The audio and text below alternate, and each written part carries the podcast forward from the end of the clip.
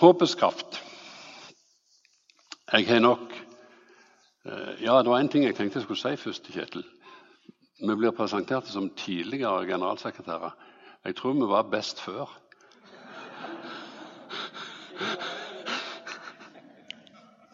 Um, jeg, jeg har lurt meg på hvordan jeg skulle gripe dette an. Eh, det er et kolossalt tema. Uh, ei brutal vær. Nytter det å hjelpe i krise? Uh, og jeg er valgt fordi jeg vet at Kjetil er en god mann uh, og kommer til å rydde opp sånn i halvdel nummer to. Så har jeg valgt å kikke på et litt stort bilde. Um, hver dag så har vi stort sett eh, nyheter om ting som ikke er bra.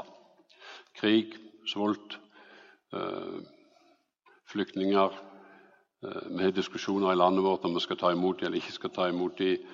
Eh, veldig fokus på alt det som ikke går. Og media setter dagsorden. Um, Moria-leiren. Det er 1000 Moria-leirer. 10 000 som ingen bryr seg om. Men vi har en som alle vet om. For det at media er med og setter dagsorden for det som dette handler om. Jeg har sett opp sju stoler. Eh, det er ingen som skal sitte på dem, bare meg i tilfelle. Eh, tanken min er at hver stol representerer en milliard mennesker. Hvis jeg sitter på denne stolen, så har jeg ingenting. Jeg har ikke hus, jeg har ikke mat, jeg har ikke helse, jeg har ikke skolegang for ungene mine. Jeg bor på gata, lever fra hånd til munn. Jeg har mindre enn 15 kroner dagen til å leve for. Jeg er stort sett gitt opp når jeg sitter på denne stolen her. Det er liksom ikke, det er ikke noe lys noen plass. Hvis jeg flytter meg til denne stolen, så har jeg kanskje dobbelt så rik som den stolen. 20-25 ehm, kroner dagen. Eh, hvis de ikke hadde noen sko på beina, så har jeg altså sandaler. Jeg, har begynt å få det litt bedre enn deg. Så denne stolen er jo en bedre stol hvis en ser den veien. Eh, kommer jeg til denne stolen her, da er det jo stigning i programmet. Her tjener jeg oppimot 50 kroner dagen. Jeg har fått sko. Jeg, ungene mine går på skole. Eh, stort sett så har de det de trenger til å gå på skolen. Jeg kan gå på klinikken hvis jeg blir syk. Eh, jeg har det mye bedre enn de.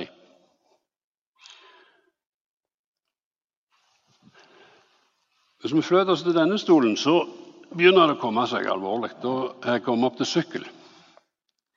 Her kan jeg sykle hvis jeg skal bevege meg. Jeg trenger ikke gå uten sko, jeg trenger ikke gå med sandaler, jeg trenger ikke gå med sko. Jeg kan sykle. Tjener 70-80 kroner dagen. Representerer en milliard. 70-80 kroner dagen. Si at det er 100 kroner dagen. Det er altså 500 kroner uka. Det er 2000 kroner måneden. Det er 24 000 kroner året. Alle de som sitter herifra og ned, tjener mindre enn 24 000 kroner i året. Ingen av oss hadde klart oss på 24 000 kroner i året. Dette er snakk om fire milliarder mennesker. Hvis jeg beveger meg opp her Da har jeg kjøpt moped. Um, livet begynner å bli ganske bra. Um, vi har en anstendig plass å bo. Ungene har det greit. Uh, kona har det greit, jeg har det greit. Jeg har oftest en jobb. Uh, og livet er ikke så verst. Men jeg kjører moped. Her er jeg kommet opp i en 250 kubikker motorsykkel. Nå begynner det å hjelpe. Ting er greit. Jeg har jobb, tjener penger. Ikke så veldig mye, men tjener penger og klarer meg godt. Kan håndtere mye av det som skjer.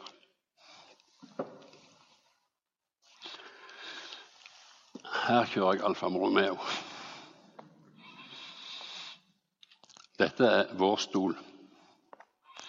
Vi hører til den milliarden med mennesker som har mye mer enn det vi trenger. Så ja, vi, helt, vi, kommer ikke på det, men vi har et helt ufattelig liv. Vi har helsevesen, vi har eh, forsikringer, vi har trygd. Vi, vi, det går ikke gale på den stolen. Og Hvis jeg fløt meg liksom ut på kanten på den stolen, da kjører jeg fly. Det er noen som bare reiser rundt i privatfly. Problemet med denne stolen her, det er at hvis alle stolene skulle være sånn som denne, så hadde vi trengt tre jordkloder for å håndtere oss. Så vi lever på en måte ikke over evne på vårt budsjett, og alt sånt, men vi lever over evne på jordkloden. Det er ikke snakk om at det kan håndtere sånn hos oss.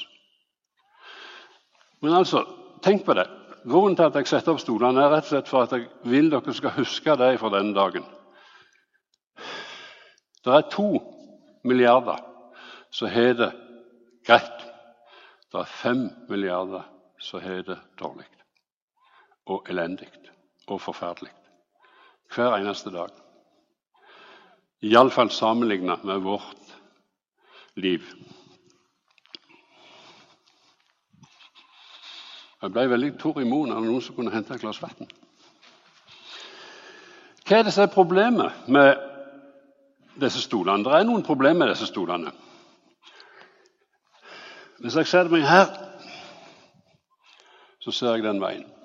Hvis jeg setter meg her, så ser jeg den veien. Hvis jeg setter meg her, så ser jeg den veien. Ingen ser den veien. Ingen sammenligner nedover. Alle sammenligner oppover. Alle ønsker mer. Ingen ønsker mindre.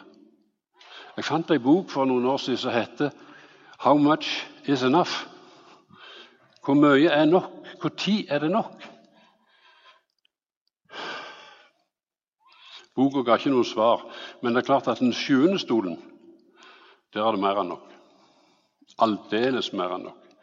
Men vi kan se på lønnsforhandlinger, vi kan se på alt. Altså, Vi skal oppover, oppover, oppover. Og det er et problem. Og det er et kjempeproblem for de som har det ringt. Du er en engel. Takk skal du ha.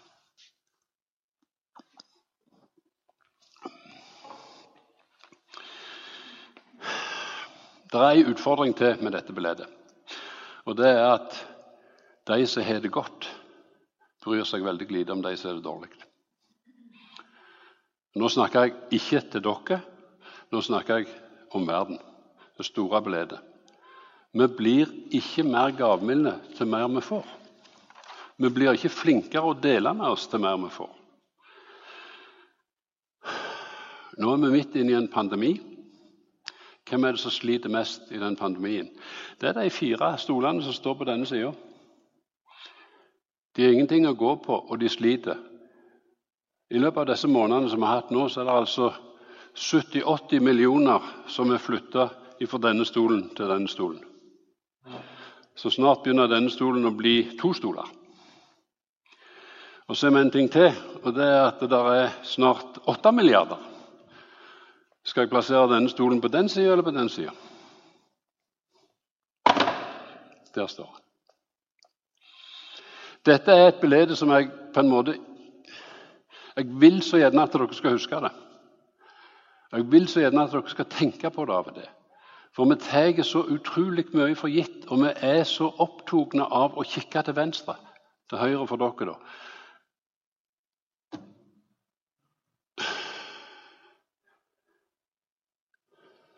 Hvis verden er vond og vanskelig, så må vi huske at det er situasjonen for veldig mange folk. Jeg skal snakke litt om håp, absolutt, men jeg, jeg har bare lyst til å Vi har ikke lov til ikke å tenke på den situasjonen her. Alle de fire nederste stolene, fem nederste stolene, de, når det er maktmisbruk, de lir.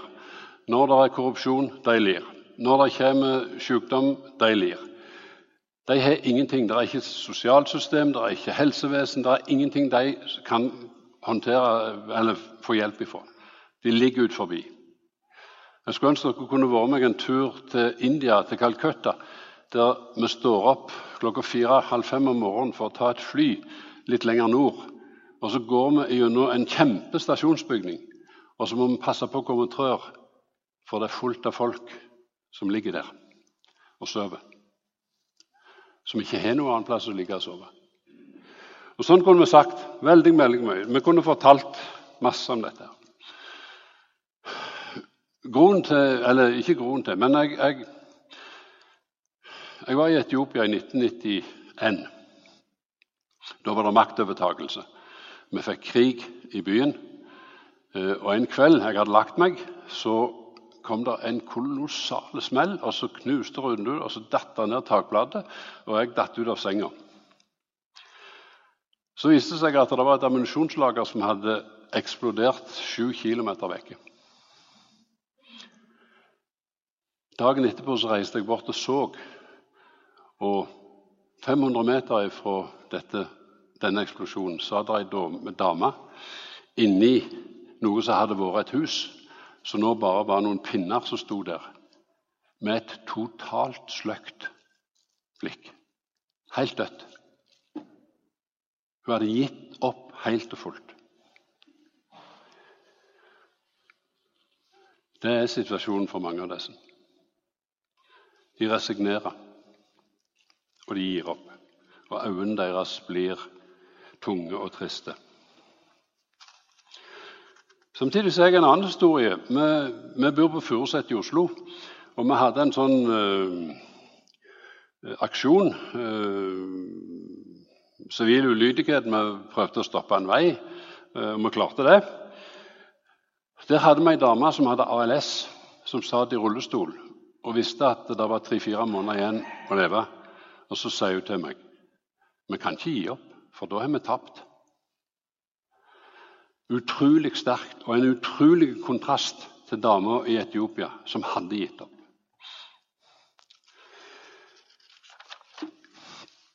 Er det håp? Ja, det er håp. Det er håp for noen. Men ikke for alle i dag. Men hvis vi utvider perspektivet og ser noen år fram gjennom, så er det håp for alle. Hvis det skjer noe på de øverste stolene. Det er mat nok i verden. Det er penger nok. Det er muligheter til at alle kan leve et verdig liv. Det er fordelingen som er et problem.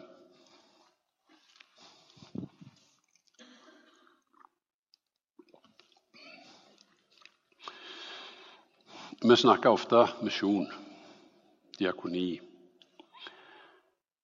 Og det er fantastisk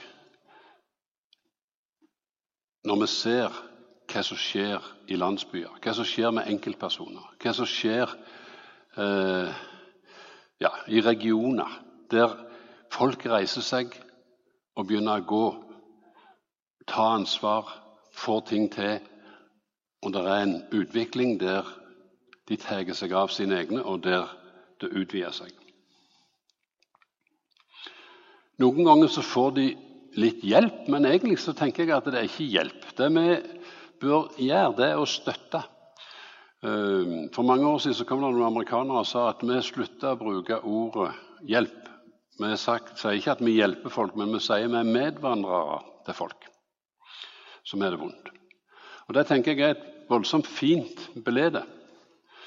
Det var en tigger som kom på døra vår i Addis Abeba og så banket på og sa at han trengte litt penger til utdanning. Eh, han hadde familie og to jenter. Jeg syns han så litt for fin ut i klærne til å være en tigger, så jeg var forholdsvis røff med han. Skjemmes av det i dag, men det var jeg. Og så ga han seg ikke, akkurat som hun enka som det står om i Bibelen. Han ga seg ikke. Og Så gikk jeg sammen med han halvannet år. Og så fikk han en lærerutdannelse og så fikk han jobb, og så levde den familien. Blomstra. Ungene hadde det greit, kona hadde det greit, han hadde det greit. Det fungerte. Når vi var ferdige med det halve året, så skilte vi veier. Han hadde ikke behov for en medvandrer som meg lenger, og jeg kunne gjerne være en medvandrer for noen andre.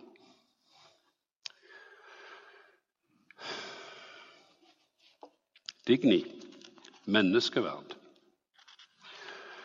Alle mennesker er like mye verdt, sier vi. Alle mennesker har en gudgitt verdi, sier vi. Hvordan klarer vi å si det uten å skjemmes når vi sitter på stol nummer sju? Hvordan klarer vi å tenke inni hodet vårt at alle mennesker har en gudgitt verdi? Alle mennesker har like stor verdi. De som sitter på den første stolen, og meg, det er ingenting forskjell på oss verdimessig. Vi klarer å snakke om det, og jeg skal innrømme at eh, jeg holdt en andakt en gang og sa akkurat det der greiene der. Alle mennesker har like stor verdi. Så var det en som retta på hånda og så sa han, du, når du går inn til patriarken i den ortodokse kirka og går forbi tiggeren på gata. Hvordan behandler du tiggeren, og hvordan behandler du patriarken? Slutt å snakke tull. Det er ikke lik verdi. Og Det er noe av det som er utfordringen for oss. Jeg jobber nå i en organisasjon som har som motto 'Bringing hope and healing to people and nations'. Uh, vi skal ikke snakke om arbeidet til, til Mercy Ships, men jeg syns den er, er fantastisk. Den oppgaven som vi har, det er å bringe håp og å være med og leke det som er vondt og stygt. Sånn at folk kan få glimt i øynene, sånn at de kan rette ryggen, og sånn at de kan tro at det er mulig for meg å ha en fremtid. Hva skal til for at folk retter ryggen og ser framover med håp. De må bli sett, de må bli respektert, og de må få lov til å gjøre jobben. Hvis vi kan få til det, så virker dette. Og da er det håp. Og Da kan vi begynne i det små og så kan vi si at Enkeltpersoner kan være medvandrere for enkeltpersoner. Familier kan være medvandrere for familier. Organisasjoner kan være medvandrere for organisasjoner. Og så kan på en måte vi få en sånn multiplikasjon som gjør at det er mulig å få dette til. Kirka har en diakonal oppgave som er å gjøre dette. Jeg, som sagt så tenker jeg at Kjetil tar litt mer av det kirkelige. Men det som er fantastisk for Kirka hvis, hvis, hvis du går Hvilket land du vil i Afrika, og så spør du stoler du på statsministeren. Nei. Stoler du på, på politikerne? Nei. Stoler du på rettsvesenet? Nei. Stoler du på politiet? Nei. Hvem stoler du på? De religiøse lederne. Jeg stoler på pastoren. Inn i disse vanskelige situasjonene, inn i disse landene der folk sitter på de laveste stolene, så har altså Kirka en unik mulighet til å bringe det håpet, til å være medvandrer, til å gå i sammen med folk som kan få lov å reise seg, som kan få lov å gå videre, og som kan få lov å ta ansvar i, i livet sitt. Når Mercy kommer til kai så står det et lass med folk på kaien og venter. Sjuke folk. De har hørt at her kan de få hjelp. Når Jesus gikk rundt, så hadde han en drøss med folk rundt seg som kom fordi at de ville ha hjelp. Og han så de, og han hjelpte de. Kirka oppgave er å se og, og hjelpe i det diakonale arbeidet. Jeg skal ikke ta noen diskusjon om diakoni, hva det er, men, men for meg så er diakoni det å hjelpe folk uten å ha en baktanke. Vi hjelper ikke folk for at de skal bli kristne eller for at noe skal skje. Vi hjelper folk fordi Gud elsker dem like mye som oss, og de trenger hjelp, og Gud er bitterst oss, oss av dem. Så Kirkene representerer håp. Kirkene representerer faktisk eh, Jeg har jobba bitte litt med FN. Og FN sier halvparten av alle skolene og halvparten av alle sykehusene i verden er bygd etablert av den kristne kirka. Da snakker vi altså katolsk, eh, luthersk, pinsevenner, baptister. Halvparten av alt det som fins av skoler og sykehus, har vi som kirke vært med bygd. Vi tatt et kolossalt ansvar.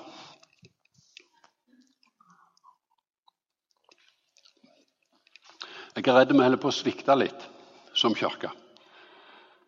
Vi blir oss sjøl litt for mye nok. Og så ser vi ikke det som våre besteforeldre så, og der de sleit og ga på en helt annen måte enn det vi gjør i dag. Hva skal skje for at det skal gå bra? Hva skal skje for at folk skal få håp? Jeg tror det er en del ting som kan skje, og vi kan snakke på ulike nivåer. Det store beledet som jeg har snakket om, så er vi helt klart avhengig av politikere. Vi må ha politikere som ser dette beledet, og som er villige til å endre på balansen. Vi trenger fred. Kuler er den verste fienden til utvikling. Kuler dreper ikke bare folk, men dreper håp, dreper utvikling, skaper hat, lager situasjoner som er forferdelige. Vi trenger fred. Salige er de som lager fred. Vi har fått en utfordring til å være med og lage fred. Vi trenger frivillige. Vi trenger sånne som oss. Folk som brenner. Folk som vil noe. Folk som ser. Folk som hører. Folk som kjenner den der smerten, og som er med på å skape det håpet. Det håpet som vi har, og som Kjetil skal snakke om i misjon, håpsdimensjonen, et evig liv sammen med Herren, men òg håp om et bedre liv her. Vi har organisasjoner, og vi har enkeltpersoner. Eh, beklager at jeg eh, snakker mye om Etiopia, men det er det jeg kjenner best. For noen år siden så, så lagde de altså en Statsministeren jeg tror det var bare et par år siden, han utfordra alle de rike familiene som fantes rundt om, skulle ta seg av to-tre fattige familier. Og så fikk de det til å begynne å fungere. Og så blomstra det. Hvor lenge det varte, vet jeg ikke. Men, men tanken å spre altså, Vi sprer evangeliet, vi kan spre håpet, vi kan spre det at vi ser, det at vi bryr oss.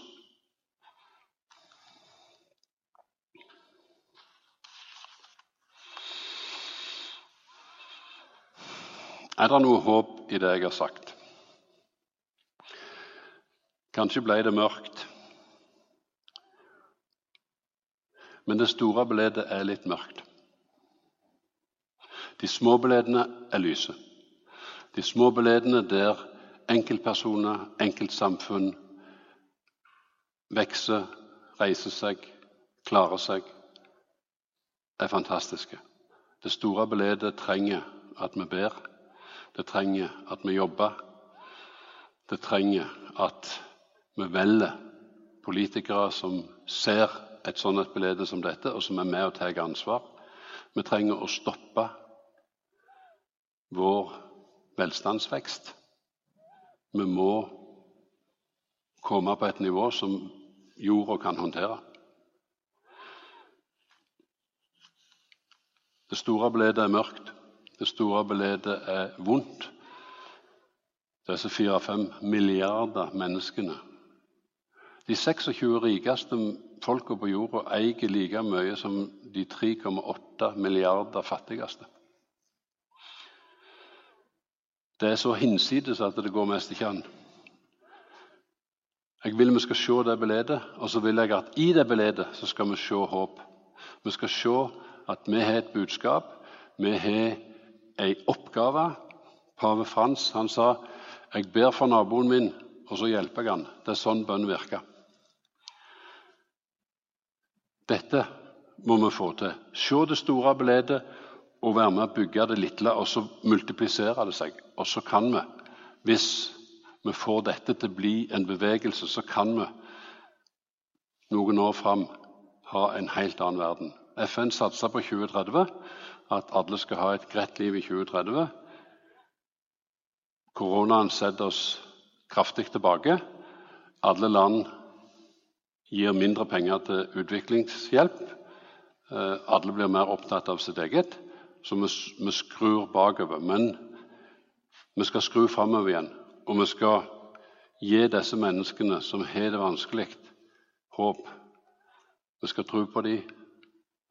Vi skal være medvandrere for dem. Og så får de et bedre liv. Er det naivt? Ja, jeg er helt klar over at det er naivt. Men jeg vil være naiv. Jeg vil kjempe for noe jeg tror på. Og jeg vil mine medmennesker skal få et liv, et liv som er verdig for den enkelte.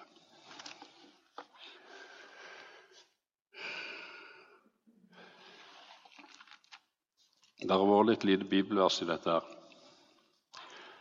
Men jeg tenkte på det for min egen del. For dette her er like mye preg til meg sjøl som til noen andre. Men de kommer inn til søstrene til Lasarus, og så sier de mest, eller til den ene av dem så sier de 'Mesteren er her og spør etter deg'. Og jeg tenker at Når det gjelder å spre håp, når det gjelder å spre godhet Mesteren er her og spør etter oss, og vi kan være med og gjøre en forskjell.